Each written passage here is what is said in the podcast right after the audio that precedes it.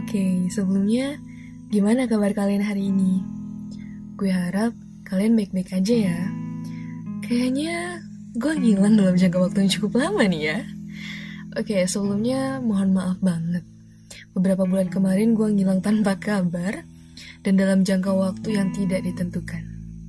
Dikarenakan ada beberapa kondisi dan kendala di mana gue harus apa ya? Kasarnya gue harus melakukan healing untuk diri gue sendiri. Hai, selamat datang di podcast fase tentang diri bagian pertama. Gue Dila akan menemani di setiap jam 10 kalian untuk selama beberapa menit ke depan. Oke, hari ini gue bakalan ngebahas tentang coba dulu kalau gagal istirahat, abis itu bangun lagi. Gue yakin kalian udah sering banget nih dengan kata-kata ini. Hidup itu ibarat roda yang kadang di atas, dan kadang di bawah. Dan yang pastinya lagi-lagi itu nggak akan pernah nunggu kita siap. Dan di dunia ini, siapa sih yang nggak pernah ngalamin yang namanya kegagalan?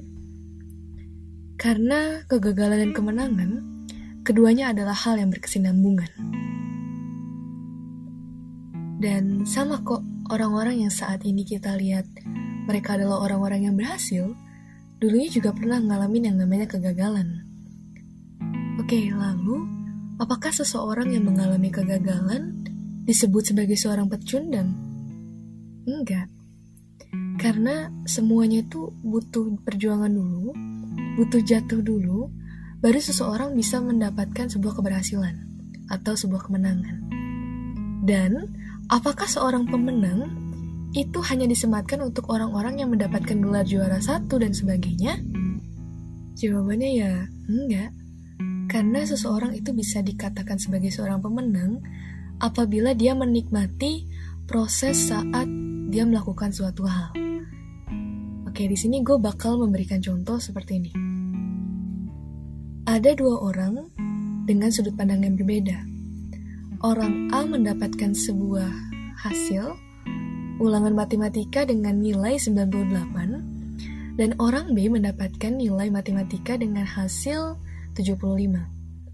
Lalu orang A ini merasa dirinya tuh gak puas karena kenapa sih kok gue gak dapet 100? Kalau orang B dia ngerasa kayak ah 75 udah cukup kok buat gue. Terus apakah si orang A ini bisa dikatakan menjadi seseorang yang tidak bersyukur atau kufur hikmat? Ya enggak. Kenapa bisa aku bilang enggak? Karena setiap orang tuh punya target dirinya masing-masing.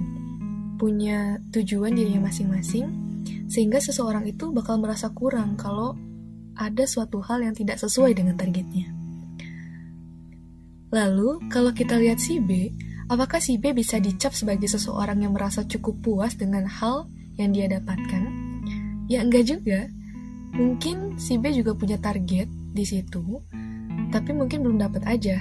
Atau mungkin B juga punya target di akademik lain atau di non-akademik. That's why kita nggak boleh ngeliat seseorang hanya dengan sebelah mata.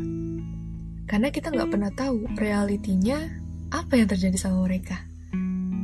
Dan kegagalan itu sifatnya normal. Kenapa? Karena dari kegagalan yang pernah kita dapat itu bisa jadi suatu perbaikan di diri kita di masa depan supaya kita terus memperbaiki diri kita agar lebih baik ke depannya. Misal kita mengikuti sebuah event atau lomba lalu kita gagal, bukan berarti kita gagal jadi juara.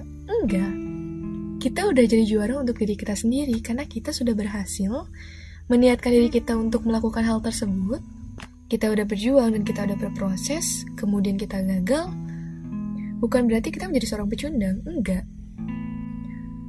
Karena kalau misalnya kita terus lihat kemenangan itu di nomor satu, itu tuh nggak akan ada habisnya dan kita bakalan selalu minder dan selalu berpikir kayak kayaknya gue gak bisa jadi nomor satu yang akhirnya malah ngebuat diri kita menjadi seseorang yang pesimis yang gak mau memulai lagi karena apa?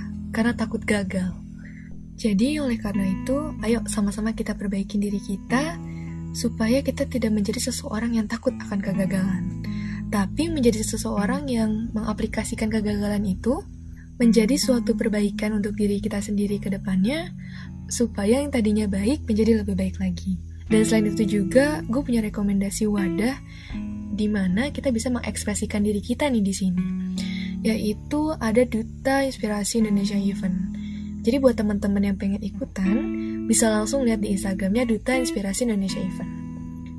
Dan di sana kita dapat mengekspresikan diri kita sendiri, juga menginspirasi banyak teman-teman di luar sana yang mungkin masih merasakan takut untuk mencoba suatu hal baru atau takut untuk memulai lagi. Oleh karena itu jangan lupa dicek Instagramnya Duta Inspirasi Indonesia Event. Oke, untuk hari ini sekian dulu dari aku. Jadi, semangat ya. Hidup memang kadang sesakit itu. Tetap jadi diri sendiri sebagai safe place untuk gue dan bertahan hidup. Sampai jumpa di podcast fase selanjutnya. Gue Dila pamit undur diri dan selamat malam.